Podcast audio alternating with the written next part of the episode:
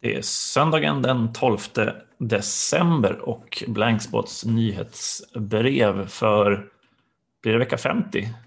Britt, det blir det va? Går det snart ut? Eh, mm, ja, typ 49 va? 49, idag, 49 ja. ja. Mm. Eh, och vi gör som vanligt en redaktionspodd eh, med mig Martin Schibbye som är chefredaktör på Blankspot och vi, vi brukar inte presentera oss. vi förutsätta att folk vet. Nej, vi bara kör. Vi bara kör. Ja. Så har du ditt namn här nu. Jag satt och tänkte. Jag heter ja. Britt Slackstone i alla fall. Ja, bra. Vilka nytillkomna lyssnare som har halkat in. Ja. Nej, annars irriterar man sig på alla poddar man lyssnar på där folk ska presentera sig. Ser man så här. Ja, ja, först jingel och sen presentation och sen. Ja. Ja, Ungefär som du läser vi ska nu. inte ens gå in på temat hur, hur långa eh, annonspauserna är. De är, det är faktiskt olidligt så långa de har blivit. Mm. Eh, en av fördelarna med att lyssna på poddar som ligger bakom Patrons eller så, mm. att faktiskt slippa reklamsegmenten, för de börjar bli olidliga när det är uppe i 12 minuter. Alltså mm. jösses. Mm. Mm. Ja. Men eh, speaking of poddar så var väl det en av de mest obegripliga spaningarna jag tog med mig till det publicistiska året 2020, där man skulle nämna en succé. Ja, du var med i Publicistklubbens eh, årskavalkad, ja. vad säger man, årskrönika. Eh, ja, men jag, diskuterade alltså, jag... vad var bäst och vad smällde högst och vad skakade om mest. Och, ja, årets citat. Och... och... Ja, precis, med Katarina Gunnarsson och Fouad Changfrick och Erik Rosén. Eh, ja. Lett av Robert Aschberg. Finns att se på nätet i efterhand. Mm. Ja. Och då var ju en av de kanske inte vassaste spaningarna generellt sett, men när jag, man liksom skulle summera vad som var succé så möttes jag av totalt fågelholks frågetecken när jag absolut hävdade att jag ville slänga in poddar i mediemixen. Och grejen var att jag hade ju liksom tänkt vad jag skulle nämna för poddar, men så insåg jag att det blir bara jättefånigt, för min poäng handlade ju mer om i det väldigt interna forum som Publicistklubben är. Mm. Och vi ska väl ändå säga att trots att liksom också i panelen vi hade nya medieaktörer och etablerade och också liksom nya format som Politikbyrån ändå som Fouad har på SVT mm. är ju verkligen ett slags poddformat utav ett nyhetsprogram eller ett vanligt snackprogram liksom så som ju är väldigt poddlikt i sin karaktär. Men att, att jag tog upp det handlade om att jag möter så ofta journalister eller när man sitter i ett större sammanhang där det är många journalister och pratar med varandra så upptäcker man att de tipsar varandra om poddar som blir rena överraskningen att de ens finns. Ja. Eh, och jag har ju pratat mycket om det i kulturjournalistiken, att jag tycker att det är besvärligt att kulturjournalistiken verkar vara så väldigt traditionell, även den i stor utsträckning. Och, och, det är ju fortfarande ett bevakningsområde, men man kan ju inte vara kulturjournalist idag och enbart ägna sig åt, inte ens om man tycker det är det roligaste i kultursegmentet, till den stora högen av böcker på sitt skrivbord. Liksom. Mm, mm. Eh, och det känns som att man upptäcker poddar först när man själv är med i dem, eller när det egna reportaget kanske till och med blir en supersnackis för att det plockas upp i något poddformat. Och då vill jag mest göra en poäng av det, det det liksom delar av medielandskapet som ger en sån möjlighet till att förstå mer av vad som rör sig för att jag i det här forumet upplever att man ibland trots den otroligt lysande journalistiken som produceras med blickarna utåt är inte alltid så många eh, som man, men eh, det räcker ju med att gå in på Twitterflödet så förbluffas man ju över hur det offentliga samtalet som sen plockas upp av traditionella medier är så otroligt snävt och med samma mm. personer som, som talar och samtalar också. Och, och, och eh, det är ju en av de eh, eh, mediekanalerna där man så på djupet kan förstå mer av hur andra målgrupper tänker för att mm. man kan ta del av eh, spaningar som görs av eh, personer och sammanhang som man kanske inte skulle ha en möjlighet att, att träffas eller ta del av de här samtalen annars. Mm. I övrigt så var det ju mest att det är ju, det är ju ändå kul att vara med i ett sånt där sammanhang och, och, och lyssna på vad, vad folk har eh, eh, fångat upp och vad man tar med sig. Men den finns som sagt, om man blir lite nyfiken så kan man kika på den. Mm. Eh, mm. Så det var i början på veckan och sen var jag ju också i Göteborg och hade ett spännande samtal med Amnesty som jag pratade om angående ansiktsigenkänning och eh, eh, nu har jag inte hunnit skriva någonting om det, men det var Eh, väldigt, väldigt smarta tankar hos eh, Amnesty Tech-forskaren som var på plats. Så att det eh, är ju verkligen något som vi inför eh, året ska bevaka, vilket också dök upp i, eh, i den här publicistklubben debatten. Om vi skulle kika framåt så sa ju just det här, sa ju jag just behovet av eh, eh techjournalistik eh, som följer de här utmanande frågorna som vi har med oss, vare sig det handlar om desinformation eller hur den här typen av teknik kan eh, påverka eh, demokratirörelser och så. Maria Ressa, det var ju huvudpoängen i hennes Nobeltal, attacken mot, mot Facebook eh, och tech, techjättarna. Ja, ja. Det har inte jag hunnit lyssna på, så då kanske man kan Nej. baka ihop det till ja, en spaning ja, från året. Liksom. Mm. Ja, vi har adresserat det innan, men, men lyssna på det framöver. Eh, på samma bok så kom ju också i veckan eh, Committee to Protect Journalists, den här amerikanska pressfrihetsorganisationen, deras årliga ranking över hur länder ligger till vad gäller antalet fängslade journalister. Och det mest signifikativa är ju att Etiopien eh, såklart, som klättrade på, platser, på 40 platser drygt för något år sedan, eh, nu fullständigt rasar i eh, rankingen och är då det näst största fängelset för kollegor på kontinenten efter Eritrea. Orsaken är ju såklart kriget i Tigray som bröt ut november 2020 och de undantagslagar som sedan har drabbat pressfriheten hårt. Ett långt antal journalister som intervjuar anonymt och som beskriver ett, ja, det här liksom mönstret. Och en journalist säger väldigt starkt att jag ber inte ens om att inte bli arresterad, men blir jag det så, så hoppas jag att regeringen kommer tillåta mig att försvara mig, inte kasta mig i ett läger och glömma mig, säger en av journalisterna. Och sen har man också det här problemet med att nya lagar ger befogenheter att stänga och förbjuda medier som citat misstänks för att ge direkt eller indirekt moraliskt eller materiellt stöd till terroristorganisationer. Och man har ju då terrorstämplat TPLF, vilket ju gör att alla medier som på något sätt misstänks ge stöd till TPLF kan då anklagas för terrorism. Och det här är ju en kriminalisering av journalistik som man ser i siffrorna över antalet fängslade, för det är det de flesta sitter inne för, att de anklagas då för att stödja TPLF. Så att history is repeating itself på ett väldigt tragiskt sätt. Eh, en annan säger i rapporten att journalister har fått verkligen ändrat hur de rapporterar om kriget, hur man skriver inslag, hur man redigerar inslag eh, och att ja, man ser en enorm självcensur breda, breda ut sig. Men totalt då två döda under förra året och eh, nio journalister menar Committee to Protect Journalists sitter då fängslade. Eh, så det har vi en artikel eh, om. Mm. I, I veckans nyhetsbrev så har vi också Mohammad som ju skriver en dagbok från flykten. Han intervjuar två landsmän som försökte fly vidare till Grekland och deras dramatiska flykt genom en skog och över leriga åkrar tills de till slut blev upptäckta av polisen och tvingades elda upp alla sina kläder och sina packningar och sina pass och allt och sen bussades tillbaks till Turkiet. Eh, ja, han beskriver ovissheten, osäkerheten och fortsätter att prata med andra människor i, i samma utsatta situation, i de här unika små inblickarna.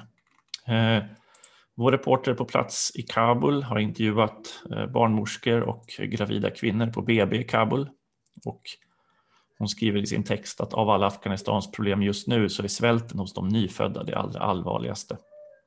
Eh, en barnmorska menar att under de sista två veckorna så har fem nyfödda barn dött av undernäring, alltså av rent ut sagt eh, svält och gravida har svårt att äta och få i sig ordentlig näringsriktig mat och leder då till väldiga komplikationer för de nyfödda spädbarnen. Så verkligen ett rop på hjälp från Kabul. Eh, från Azerbajdzjan så satte sig Rasmus eh, Kahnbeck i veckan och lite tittade på hur pass eh, omfattande den här repressionen har varit mot demonstranter eh, och såg då ett, ett mönster och ser då att det har verkligen varit ett stort antal aktivister och oppositionella som har utsatts för ett brutalt polisvåld. Eh, och när de då demonstrerar till stöd för oppositionsledarna eller av andra skäl så anklagas de alltid för att bryta mot coronarestriktionerna. Eh, så att det känns på det temat som vi verkligen har bevakat hur pandemin leder till repression och hur stater använder coronalagstiftning för att ge sig på oppositionen. Eh, de som arrangerar demonstrationer angrips men även journalister som bevakar demonstrationerna blir tillsagda att radera material, arresterade och eh, trakasserade både verbalt och, och eh, fysiskt. Eh, så Rasmus som ju rapporterar om vad som händer österut eh, har en text om Azerbajdzjan kring det. Vi är också väldigt glada att vi har börjat få en dagbok från Nagorno-Karabach Irina eh, som tvingades fly på grund av det här senaste kriget. Hon skrev en otroligt fin text i veckan som, som också Rasmus har översatt. Om julen, om, eh, om snön, om tankar om vad, vad, barnen önskar sig, vad man själv önskar sig och just en sån här inblick från vardagen eh, kring konflikter och ämnen vi skriver om är ju tanken med den här kategorin röster på sajten. Så vi är superglada att kunna publicera den texten. Eh, och det man önskar sig är ju fred i jul. Det kommer också fler texter av Irina framöver. Eh, ja, jättefint. Det blir ja. verkligen bra. Mm. Sen har vi eh, Linnea Bergqvist fortsätter ju att bita sig fast som en grävling kring det här med eh, Qatar och Fifa-tjänstemannen Abdullah eh, Abahis som har hungerstrejkat nu i snart fyra veckor. Jag förstår inte att inte den här historien är, är större. Här har vi alltså en person som blev en nästan som en visselblåsare slog larm för eh, flera år sedan om just migrantarbetares eh, villkor och som sedan mm. genomdrivit en ja, cirkus till, till domstol och eh, dömts på flera punkter. Men då nu när den här norska tidningen och även människorättsorganisationer har börjat titta på eh, hans rättegång så kräver man att domen ska revideras och att han inte har behandlat rättvist. Eh, och han har nu inlett en hungerstrejk i, i fängelset Ja, det var synd du inte kunde vara med i panelen som var planerad, för då hade ni kunnat prata ja, om det. Och ja, men verkligen. Du och Amnesty. Ja. ja, nej, jag har haft eh, vab, vab-vecka. Eh, ja. Så, nej precis, men det är ett väldigt fint samtal där eh, Olof Lund och eh, Amnesty, fotbollskanalen, som, eh, där man diskuterar Qatar. Eh, men ja, mm. det är väldigt spännande som vi fortsätter att, att följa och bevaka vad som händer med hans hungerstrejk och hur det ska gå mm. eh, kring det. Och jag skrev lite om eh, vaccinkraven som ju i den här liksom jakten på att få fler, en bredare vaccintäckning i, i bland de 27 medlemsländerna i EU sammantaget så är ju inte vaccinationstäckningen större än 66 procent tror jag det är genomsnittsmässigt. Mm, mm. Eh, och det där gör ju att EU, eh, EU-kommissionen nyligen sa ju att man måste, alltså väldigt så att var, varje land får ju lösa det här på bästa sätt, men att man måste säkerställa att man eh, eh ja, men fortsätter förhindra smittspridning, men också ökar möjligheterna till eh, vaccinering och eh, ja, men vi har ju själva sett i Sverige fick man ju i veckan munskyddstvång eh, eller munskyddsrekommendationer mm. återigen när man vistas i, i kollektivtrafiken under eh, trängre stunder till exempel och så. Mm. Och det där ser man ju komma tillbaka, men i relation till att Österrike nu tog ju ett parlamentsbeslut om att man ska ha en vaccinplikt från första februari för alla över 14 år.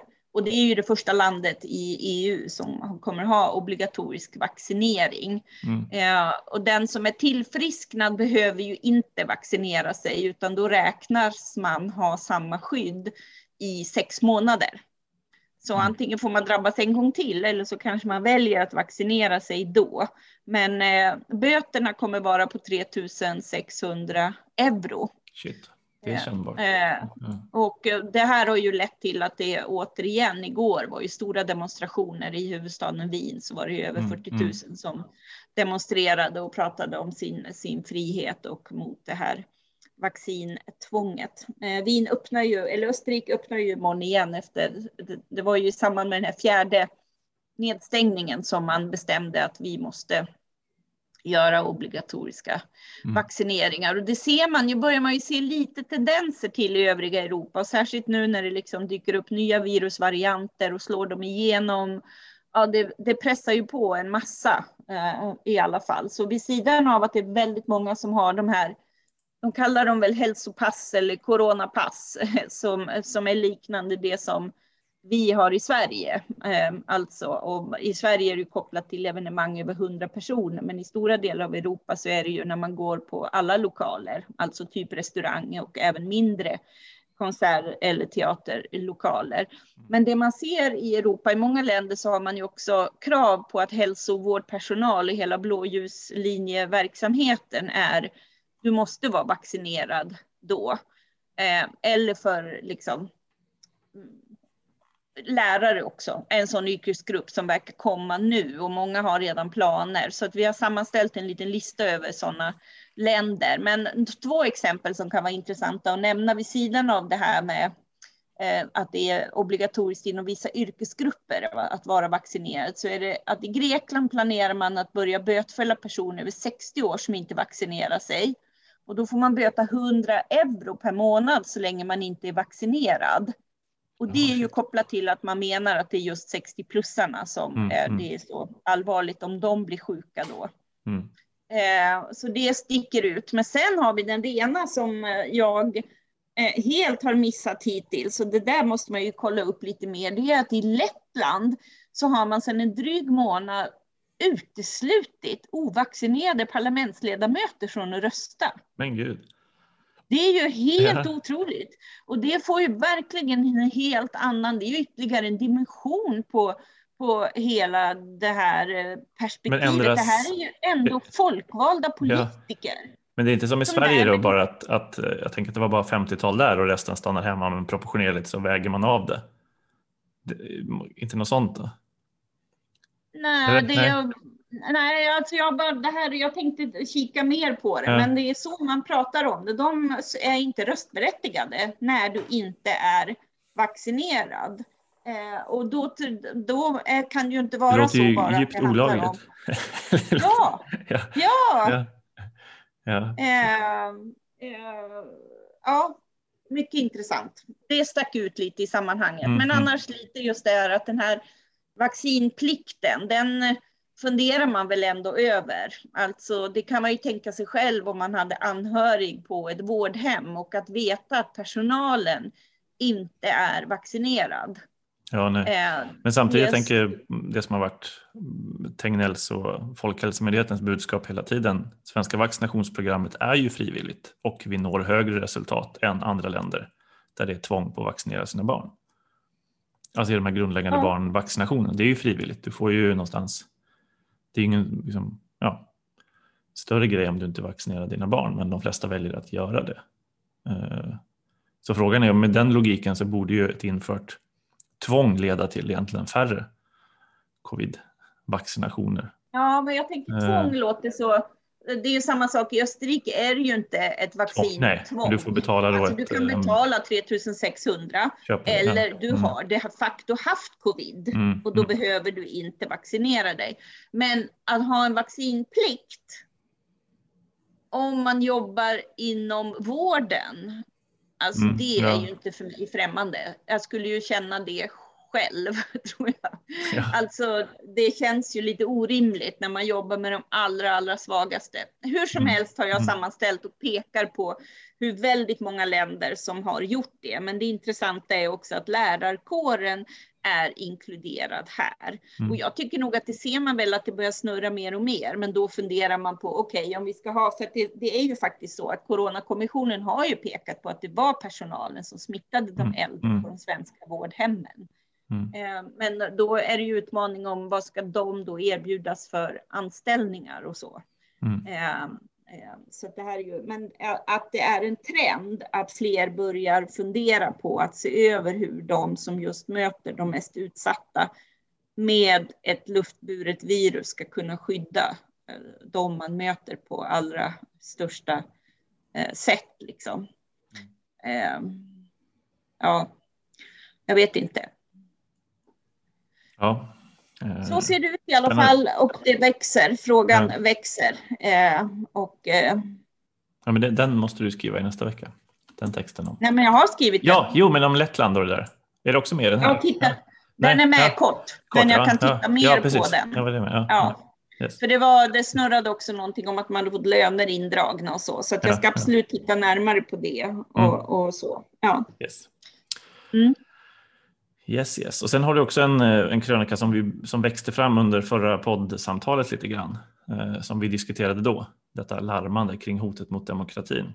Eh, så att, Ja, och den, alltså för mig är ju det här någonting, ja, ja, alltså det är ju något som man, eh, alltså det här eh, har jag ju spanat på sedan långt före förra mm. valet. Liksom. Men det, det, det, börjar ju bli gå på speed det här. Mm. När, eh, så de tre exempel som jag använder i den här texten som har rubriken Jippi, låt oss avskaffa demokratin i jul. Eh, och det handlar ju dels om Civil Rights Defenders spel, Dictator of Sweden. Vi har också Reporter utan gränser som ju är pressfrihetsorganisationen som har lagt ut en helt vanlig video där de avskaffar pressfriheten och sätter en misshandlad svensk journalist i en fängelsecell. Mm.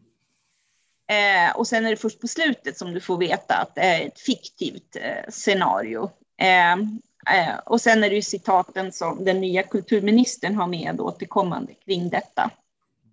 Om hoten mot demokratin och hoten mot yttrandefriheten. Eh, och, eh, ja, men, men läs den krönikan och tyck gärna till.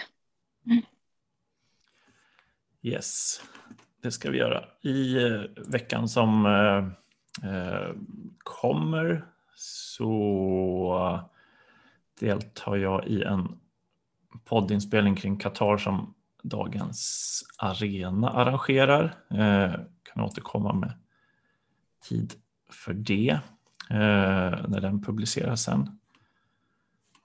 Dun, dun. Mm, annars är det ju slutspurt med Nepal-skriverier. Eh, så jag ser väldigt mycket fram emot att publicera det nästa år. Ja, händer det mer spännande nästa vecka? som man ska ha koll på? Vi fick ju tyvärr ställa in läsarträffen ja. eh, på grund av de eh, nya restriktionerna så märktes det att folk var väldigt oroliga och bokade mm. av sig. Och, eh, eh Kanske det, göra något digitalt kring det? Ja, ja. Mm. tycker jag att vi gör innan mm. årsslutet. Mm. Eh, verkligen. Eh, eh, men det är väl mycket det det handlar om. att sy ihop året och kanske till och med snickra ihop ett litet julerbjudande, vilket vi hade tänkt prata om då. Så mm. det får vi väl ta hand om i veckan. Yes. Ja. Super, tack för att ni lyssnar, läser och stöttar oss. Är ni inte redan prenumeranter så blir det. Och om ni undrar vilka det är som har pratat så kan ni lyssna i början så säger vi våra namn. Eh, och det ska vi sluta med. Ja. Tusen tack. tack och hej. Hej då.